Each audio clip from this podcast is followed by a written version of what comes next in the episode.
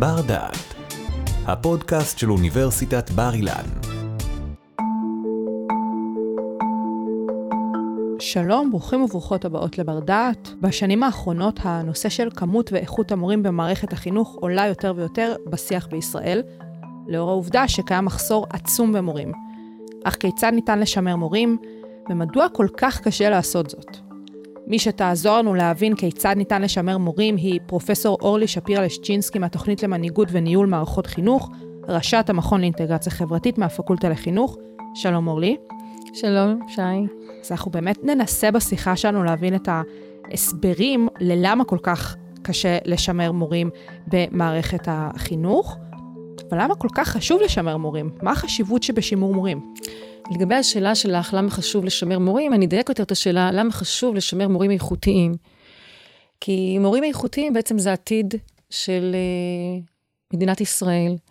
זה בעצם תורם לכלכלת uh, מדינת ישראל ולכלכלת העולם, מאחר ואנחנו בעצם מצמיחים את האזרחים הבאים שהם uh, איכותיים יותר.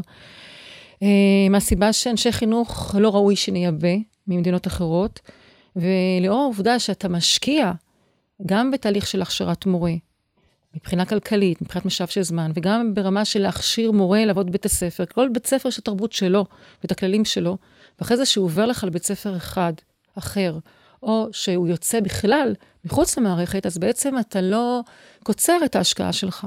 אני חושבת שקודם כל צריך להגדיר מה זה שימור מורים. שימור מורים זה בעצם מידת ההתמדה לאורך זמן של מורה.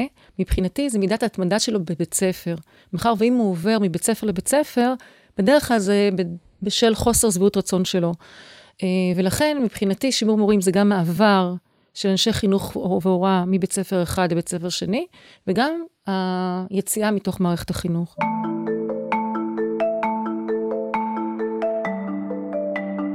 אורלי, כשאנחנו אומרות שצריך לשמר מורים, וכמו שאמרת, חשוב לך גם לשים את הדגש על מורים איכותיים, אנחנו מבינות שאנחנו במחסור. כמה מורים חסרים? מה הנתונים? הנתונים במדינת ישראל, שנכון אה, לנתוני משרד החינוך משנת 2022, יש מחסור של כ-5,600 מורים וגננות, והתופעה הזאת היא לא רק במדינת ישראל, היא, התופעה הזאת היא של שימור מורים ומחסור מורים, זו תופעה שקיימת אה, בהרבה מדינות מערביות, למשל הברית כ-100 אלף מורים, גם באנגליה, אוסטרליה, קנדה, אפילו שווייץ. אה, אנחנו יצאנו ממשלחת אה, חינוכית של בעלי תפקידים אה, ללמוד במערכת החינוך בשווייץ, וחשבנו ששם, שרמת השכר שם של מורה היא משתווה, או היא די דומה למקצועות שנתפסים יוקרתיים, כמו רפואה, עריכת דין, הנדסה. אנחנו מוצאים שעדיין יש בשוויץ מחסור אה, במורים, כשבעצם אנשים מעדיפים אה, ללמוד אה, ולהיות במקצועות שנתפסים כיוקרתיים ופחות כ... אה, במקצוע החינוך, למרות שרמת השכר היא די דומה. זאת אומרת שבאמת, הרבה פעמים אנחנו נוטים לחשוב שאחת הבעיות שבשימור המורים זה עניין השכר. בעיקר בישראל, כי בישראל, עם כל הכבוד לשוויץ, אנחנו יודעים שרמת השכר של אה, מורים ומורות היא הרבה יותר נמוכה, אבל פה את מראה את הנתונים של שוויץ, שזה באמת מאוד מעניין לראות את זה, הסיפור של השכר זה לא האישיו, אלא עניין היוקרה. בואי נדייק, זה גם אישיו. אבל, uh, כן, אני, הגישה שלי, אם אין קמח אין תורה. דהיינו, צריך את השכר, אנחנו רואים את זה כשאנחנו חוקרים את התופעה הזאת של שימור ונשירת מורים, זה אחד הממדים המשמעותיים. אבל מעבר לזה, יש גורמים נוספים שהם לא פחות חשובים, ואז צריך להתחשב במכלול הגורמים. באופן כללי, אני יכולה לתאר מגמה כללית, שאם את אה, רוצה לבחון את התופעה הזאת של מחסור מורים, זה בעצם עקומת אה, U הפוכה, שזה אומר ציר X זה הוותק של המורה. אוקיי. Okay. ציר Y זה בעצם השיעור הנשירה של המורים, ואז את רואה שבחמש שנים הראשונות, וזה ברמה גלובלית, יש נשירה גדולה של מורים, וגם בשלהי הקריירה יש נשירה גדולה של מורים. אה, אז זו תופעה באופן, שקיימת אה, באופן כללי. וכשאנחנו מסתכלים על למשל מחקרים בינלאומיים, למשל יש מחקר של 31 מדינות, 12,000 אה, מורים, 4,000 בתי ספר, אנחנו מוצאים שהמנהיגות הבית ספרית היא זאת שתורמת לאווירה חיובית בבית הספר, והיא זו שמגבירה את אה, שימור המורים. דהיינו, אנחנו רואים שהמימד הזה של ההנהגה של בית הספר והנהלה הוא מאוד מאוד משמעותי בנושא הזה של לשמר את המורים. אני אביא עוד מחקר שלמשל נערך במדינת ניו יורק, ואנחנו יודעים שיש שם אה, אזורים כפריים ואזורים עירוניים, ואחד הקשיים זה בעצם לשמר אה, מורים שבאזורים כפריים. ומצאו שבעצם תמיכת הנהלה, היא גרמה לכך שמורים ישתמרו גם באזורים כפריים. אז זה, זה עוד למשל גורם שיכול לסייע על בסיס מחקרים השוואתיים בשימור מורים. הסיפור זה שכשמורה הולך לבית הספר, בסוגריים, הולך לעבודה, יהיה לו טוב במקום העבודה. שהוא ירגיש שבאמת מקום העבודה שלו, הוא רצוי בו, נחמד לו שם עם הקולגות, עם האנשים איתם הוא עובד, עם הילדים, שהוא מקבל את הכלים הראויים. שי, לקראת הפודקאסט אה, דיברתי עם אה, מורים מהשטח, עם מנהלי בתי ספר, עם סטודנטים שכבר עובדים בבית הספר, חלקם רוצים לעבוד בבתי ספר. ובקרב המורים שכבר עובדים בשטח, עלה בדיוק הנושא שאת מעלה. אנחנו זקוקים למעגלי שיח, לא מקשיבים לנו, אנחנו רוצים שיהיה אה, במה לקול שלנו ולאתגרים שלנו, כי מקצוע ההוראה הוא מקצוע די אה, מאתגר, וגם די שוחק.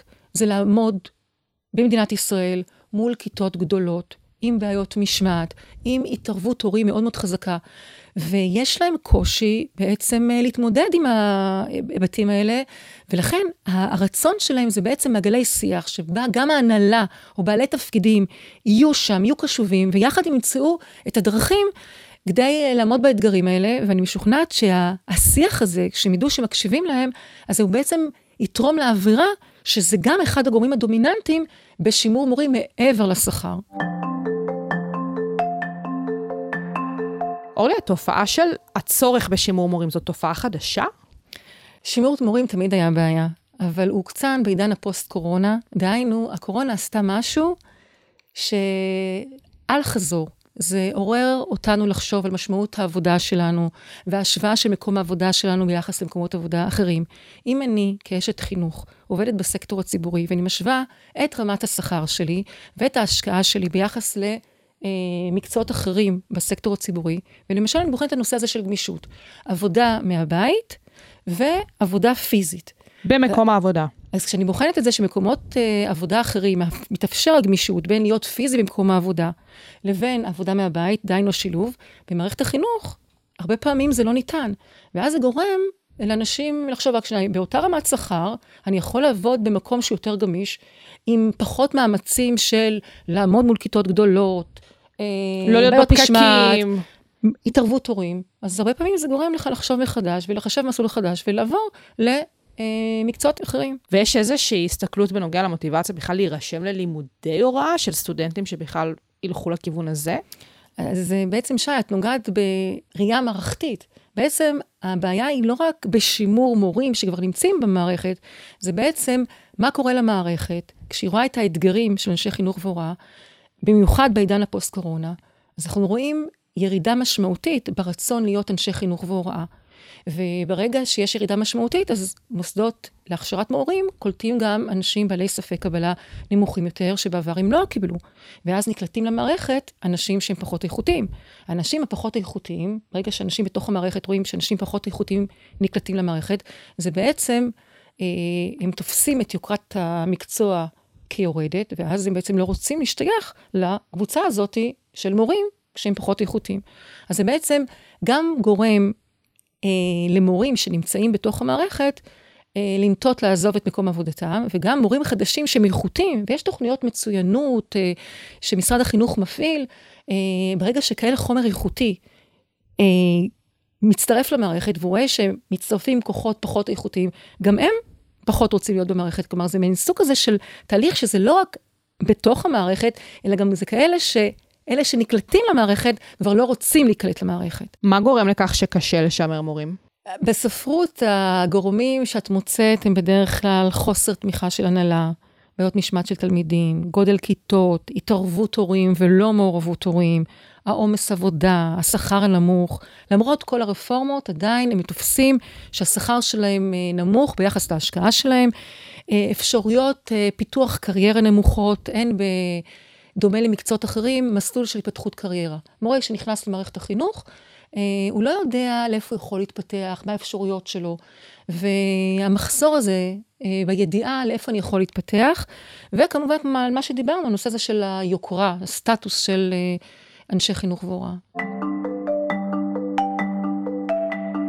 אנחנו מדברות כאן על מספר סיבות לקושי שבשימור מורים, אבל יש לי תחושה שלא דיברנו על אחד הנושאים היותר קריטיים, אה, בנושא הנוגע לתחום בכלל ולבעיה לשמר מורים בפרט, שזה הנושא המגדרי, כי בסופו של דבר אנחנו אומרים מורים, אבל אנחנו יודעות שרוב המורים הן בכלל מורות. כמה ההיבט הזה מתקשר לקושי שבשימור מורים?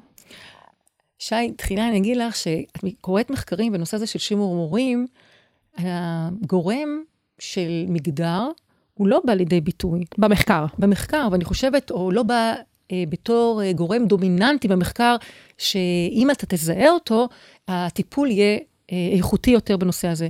אז בעצם, הפודקאסט הזה הוא בעצם יכול לעודד ולפתח את החשיבה שאם מקצוע הוראה או מקצוע ורוד, ואם את מסתכלת בראייה גלובלית, לא משנה באיזה מדינה, בדרך כלל היחס הוא 80 אחוז נשים, 20 אחוז גברים, וככל ששלב החינוך עולה, אחוז הגברים עולים, דהיינו, 70 אחוז אה, נשים בהיי סקול, בתיכונים, ו-30 אה, אחוז גברים. זאת אומרת, עדיין הדומיננטיות היא נשית, אבל אה, ככל שזה עולה, אז... ולכן, אם הדומיננטיות נשית, אז צריכים לחשוב על המקצוע הוורוד הזה, ואיך אפשר לטפל בנושא גם מנקודת מבט מגדרית, כשאני נתפסת למושג שקוראים לו אה, עבודה שקופה, שבעצם העבודות אה, בבית, שאתה לא מתוגמל עליהן בשכר. ובעצם אה, הרבה אה, מורות, הן בעצם, בנוסף לקריירה שלהן, כן, נשות חינוך והוראה, הן בעצם גם אה, עוסקות אה, בקריירה המשמעותית של עבודה שקופה ללא תגמול. ואז אנחנו צריכים לחשוב, כשאנחנו מנסים למצוא מזור לנושא הזה של שימור מורים, להתייחס גם לפן המגדרי. השאלה פה, אבל, מהבחינה הזאתי, זה האם אנחנו כמערכת, ו... בעיקרה מערכת ציבורית, כי בסופו של דבר מקצוע הוראה הוא מקצוע ציבורי, באמת מתוך אה, המגזר הציבורי, כמה באמת המדינה יכולה לשחק על העניין הזה? זאת אומרת, כמה אה, המדינה אמורה בכלל לתגמל את המורות שלה, על כך שגם יש את המקצוע השקוף. אז אני אומרת, אה, אני לא רוצה ליצור כאן איזה סוג של אפליה מתקנת של אה, מורות לעומת מורים, אבל אני אומרת, אה, כשאנחנו רוצים לטפל בתופעה הזאת, אנחנו לא יכולים להתעלם מהפן המגדרי. ולכן חשוב, כחלק מראייה מערכתית, להתייחס להיבטים, כשאני רוצה לפתור את הבעיה הזאת, או לצמצם את התופעה הזאת של נשירת מורים ולהגביר את שימור המורים והמורות, אז חשוב להתייחס למשל לנתוני הפילוח המגדרי בקרב אנשי חינוך והוראה. למשל, אחוז המורות בעלות תפקיד. כי אם אתה בעל תפקיד, סביר להניח שאתה, יהיה לך יותר מוטיבציה להשתמר בתוך המערכת. או היקפי אחוז משרה. בדרך כלל נוטים הנהלות בית הספר לתת אה, אחוזי משרה לא מלאים לנשים, בעוד גברים, כי רוצים לשמר אותם מתוך ידיעה שהם המפרנסים של המשפחה, הנתפסים כעיקרים, אז נותנים להם משרה מלאה ויותר ותפקידים. אז לכן, למשל, נתון נוסף זה להתייחס לאחוזי המשרה של מורות ביחס למורים. אז uh, אני לא אומרת לייצר כאן אפליה, אבל בעצם להיות מודעים להיבטים של היקפי משרה שמשפיעים על משכורת, שעשויים לשמר uh, מורות במערכת. כלומר, אני אומרת ברמה של להשוות את ההיבטים האלה. Uh, אני אומרת הפן נוסף של להטמיע חשיבה מגדרית, מתוך ההבנה עד כמה זה חשוב. אז להתייחס לפן הזה של העבודה השקופה, שבעצם הציפייה היא שהאישה תוציא את הילדים מהגן וכדומה. אז איך אתה מטפל בתופעה הזאת? אה, וכמובן, אה, ייצוג הולם של אה, מורות או של נשות חינוך בתהליכי קבלת החלטות, שנוגע לשימור מורים ומורות, מאחר והם מהווים אחוז די ניכר מה, ממערכת החינוך.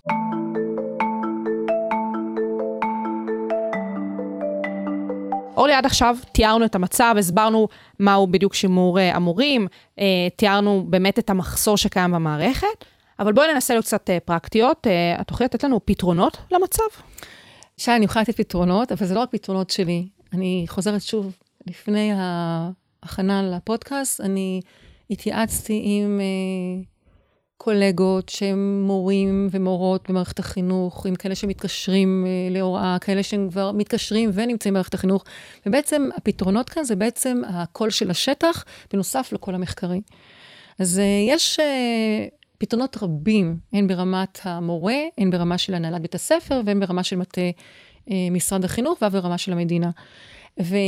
אם התייחסנו לפן המגדרי, אנחנו רואים שבעצם הראייה היא מערכתית, היא לאו דווקא דברים שצבועים בוורוד, היא ראייה מערכתית שרלוונטית הן למורה, הן למורה, ואנחנו גם, אפשר להתייחס לניואנסים הנשיים בזה. אז אה, אני אעלה למשל אילנה, שהיא מורה בחינוך מיוחד, היא דיברה על פתרון ברמת הפרט, שבעצם כדי לשמר אנשי חינוך והוראה, לאפשר למורה, או ולעודד מורה, ליזום אה, פעילויות שיעלו את מעמדו בחברה.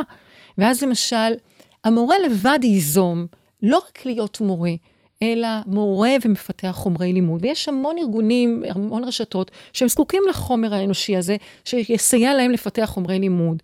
אה, יש הרבה עמותות אה, חינוכיות שנמצאות מסביב למערכת החינוך. אז אותו מורה גם יכול להיות אה, לאחר שעות העבודה, כמנהיג מתנ"ס או בשעות אחר הצהריים. מעין למור... נוסף על תפקיד שכזה. כן, וכשאני מדברת על מעין נוסף תפקיד כזה, תפקיד אשר הוא יתוגמל כספית, תפקיד שירגיש מועצם כמו מדריך. למורים יש כישורי הנחיה מאוד מאוד גבוהים, אז הם יכולים להנחות uh, תהליכים גם מחוץ לבית הספר, uh, בהצלחה רבה. Uh, כשאני בעצם אומר uh, שיש כאן איזה סוג של בעיה, כי יש נהלים מאוד קשוחים אה, באילו אה, מקרים אה, מורה יכול לעבוד, ובאיזה היקפי משרה הוא יכול לעבוד. אז לכן המערכת צריכה, אם היא רוצה לשמר אנשי חינוך והוראה, היא בעצם צריכה לתת להם את הביטחון, את היציבות בית הספר, והחדוות היצירה, היא תהיה חזקה בבית הספר, כשאותו מורה ידע שיש במה לכישורים שלו גם במסגרות מחוץ לבית הספר. זאת אומרת, קצת לשנות את המערכת. זאת אומרת, אם המערכת עכשיו די נוקשה, להגמיש אותה. כן, להגמיש אותה ברמה של לאפשר למורה להפעיל את הכישורים שלו, גם אה, מחוץ למערכת החינוך. אני בטוחה שזה לא יפגע בעשייה שלו בבית הספר, אלא אפילו יתרום אה, לה. אני רק יכולה לסבר לך את האוזן. למשל, אה, אני כמנחת אה, סטודנטים לתואר אה, שני, שהם עושים תזה, מסלול מחקרי, והם רוצים להציג את התזה שלהם בכנס, הרבה פעמים משרד החינוך במחוזות מסוימים לא יאפשר לאותו מורה לצאת אה, אה, לכנס להציג, בעוד שמחוזות אחרים כן יאפשרו את ההגמשה, זו אותה מדינה, אבל זו גישה אחרת של פיקוח. אז האפשרות להתגמש היא מאוד מאוד חשובה בכך שאתה תוכל לשמר את המורים שלך. זה באמת ברמת הפרט, מה שהזכרת. אם אנחנו מסתכלות על הרמה הבאה, שזה באמת ברמת הנהלת בית הספר. אה, אנחנו דיברנו כבר על הצורך לשוחח, אה, לשתף, אז אה, לעודד מעגלי שיח עם כל בעלי העניין ולתת טיפים, ככה שהם ירגישו שהם לא לבד, כי מקצוע ההוראה נתפס כמקצוע מאוד מאוד בודד. לתת למורים לבטא את האיכות שלהם. במקום להביא מרצים מבחוץ, שיחשפו את המורים, למורים יש המון אה, ידע וכישורים אה, מעבר למקצוע שבו הם למדים.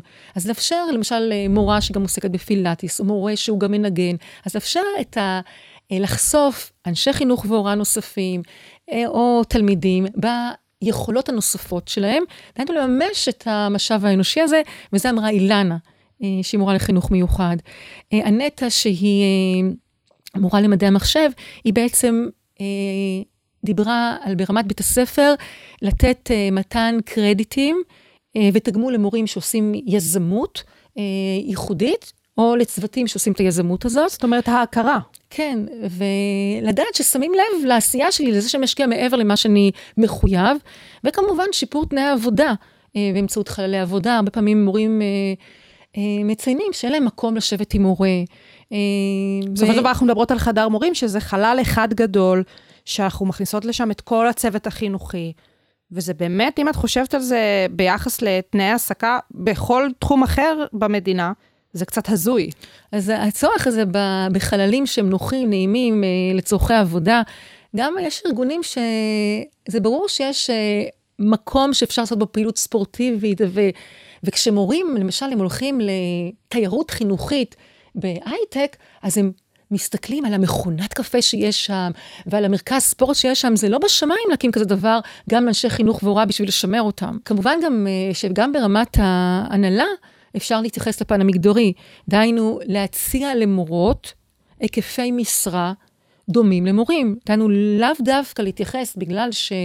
למורה יש יותר את הקונפליקט אה, בית, קריירה, אז להציע לה מראש היקפי משרה נמוכים, 80 אחוז וכדומה, אלא להציע למורות היקפי משרה, אה, 100 אחוז משרה בדומה למורה, וגם להציע גמולי תפקיד שמשדרגים את המשכורת למורות, בדומה למורים באותם היקפים. וכמובן, להתייחס לפן הזה של הגמשת מערכת השעות, בהתאם למצב המשפחתי של אותה מורה. או אותו מורה. דהיינו, אם הם עם ילדים קטנים, אז uh, להשתדל לא בשעות קצה. ולאפשר, אם מדובר בשלב חינוך, חטיבת ביניים ותיכון, שזה כבר, אנחנו מלמדים uh, תלמידים גדולים, ואפשר לשלב את ההיברידיות, לחשוב איך אני כמנהל בית הספר מאפשר את ההיברידיות הזאת, שגם אפשרות ללמד מהבית, וגם אפשרות ללמד uh, פיזית. וזה דבר שאפשר לעשות, כי יש uh, מתרגלים, כלומר, אני יכול לתת את התכנים באונליין, ואחרי זה מתרגלים. אה, יש סטודנטים, יש אה, כל מיני אה, אופציות שיכולות לתרגל את הנושא, אז אפשר לשלב את זה. אורלי, מה היינו מצפות מהמדינה, ממשרד החינוך, לעשות אה, אל מול המצוקה, אל מול המצוקה הקיימת בכל מה שקשור למחסור במורים ובמחסור במורים איכותיים? משרד החינוך שימשיך להפעיל תוכניות אה, ייחודיות למועמדים מצטיינים עם נתוני קבלה גבוהים, תוכניות שמשלבות אקדמיה עם הכשרת מורים בשילוב מענקים, כמו אצלנו תוכנית נחשונים בבר אילן, ולהדגיש בתוכניות האלה את הדגש של ההכשרה עם החיבור אל השטח, זה ארנון סטודנט מנחשונים ביקש ממני שאני אגיד לקראת הפודקאסט הזה. פן נוסף זה קביעת תוכניות עבודה ארוכות טווח, מה שקורה במערכת החינוך הישראלית, שאין יציבות אה, שלטונית, ושר החינוך מתחלף אחת לשנה, אחת שנתיים, וכל אחד מהם מטמיע תוכניות לימודים חדשות. אז חשוב לקבוע שתוכנית, לקבוע מספר תוכניות מוגבל, ולהריץ אותם חמש שנים, ולדעת שגם אם השלטון מתחלף, התוכניות האלה לא מתחלפות, כי התופעה הזאת של ה... כל פעם תוכנית לימודים חדשה, אה, ואי הפעלתה, היא דוחקת מורים מתוך המערכת. חשוב מאוד לפתח קוד אתי לאנשי חינוך והוראה. במדינת ישראל זה עדיין בגרסה של טיוטה. אם יהיה קוד אתי, הם ידעו מה הכלים, המורים, אנשי חינוך והוראה, וגם הקהילה תדע מה הכללים, מה לצפות מאנשי חינוך והוראה, ואז יקל למורים להתמודד עם האתגרים, אה, למשל התערבות הורים. להפעיל מיזמים שיעלו את יוקרת המקצוע, למשל תיירות חינוכית. למה בפרופסיות אחרות לוקחים את הפרופסיה אה, לסיורים לימודיים ודוחקים אותם ללכת להשתלם בחו"ל? גם מורים, יש כזה תופעה, יש כזה מושג שקוראים לו תיירות חינוכית, שמשרד החינוך יריץ את זה, המורים ירגישו מועצמים, משמעותיים, וירצו להישאר במערכת. התנהגות אזרחית, יש כזה מושג באקדמיה שקוראים לו התנהגות אזרחית, שמצופה מעובד לעשות מעבר למה שהוא מוגדר במסגרת תפקידו. אה, מה שקורה זה שאנשי חינוך והוראה מרגישים שבעצם סוג של עובדות מודרנית, שהם לא מתוגמלים על השעות שהם עובדים מהבית, צריך לחשוב על התגמול, גם על העבודה מהבית, שהם עושים בעבודה מאוד מאוד רבה. משרד החינוך צריך לדעת לאבחן את הנושא הזה של שימור מורים, שיש הבחנה בין מורים חדשים של עד חמש שנים ומחמש שנים, זה אסטרטגיות אחרות. עד חמש שנים זה יותר הדרכה, יותר תמיכה, ומחמש שנים והלאה זה יותר פיתוח קריירה. כבר דיברנו על ההגמשה, היום למורה במדינת ישראל מותר לצאת רק לחופשים המוצרים, דהיינו סוכות, פסח, חופש גדול. אה, צריך להגמיש את המערכת בדומה אה, למדינת ניו ג'רסי, שמאפשרים מהודעה מוקדמת למורה לצאת אה, לחופשה במידה והוא זקוק לה, כך שהוא לא נאלץ לשקר את המערכת ולהצהיר על ימי מחלה. דיברנו כבר על נושא של הגמשה, ובקשה של אנטה לבקש אה, תגמול אנשי חינוך והוראה, דהיינו שכר לימוד אה, לילדים של מורים במוסדות ההשכלה גבוהה מתוקצבים, אה, או שווי.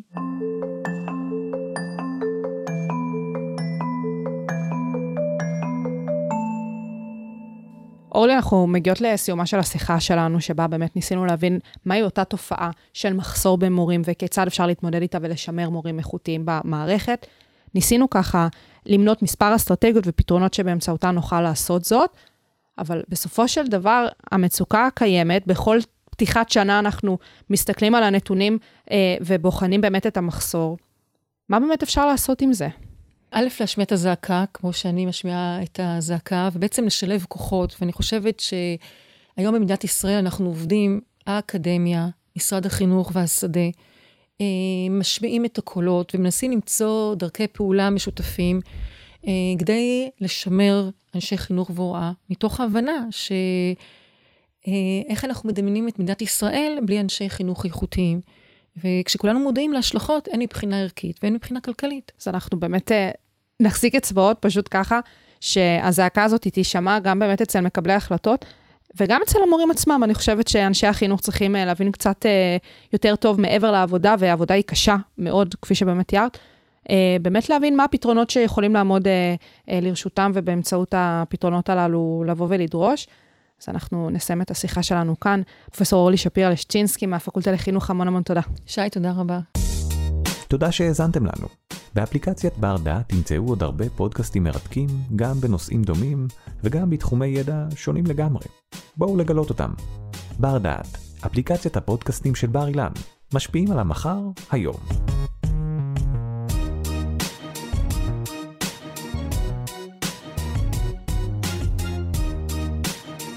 ערכה והפיקה שי קלוט.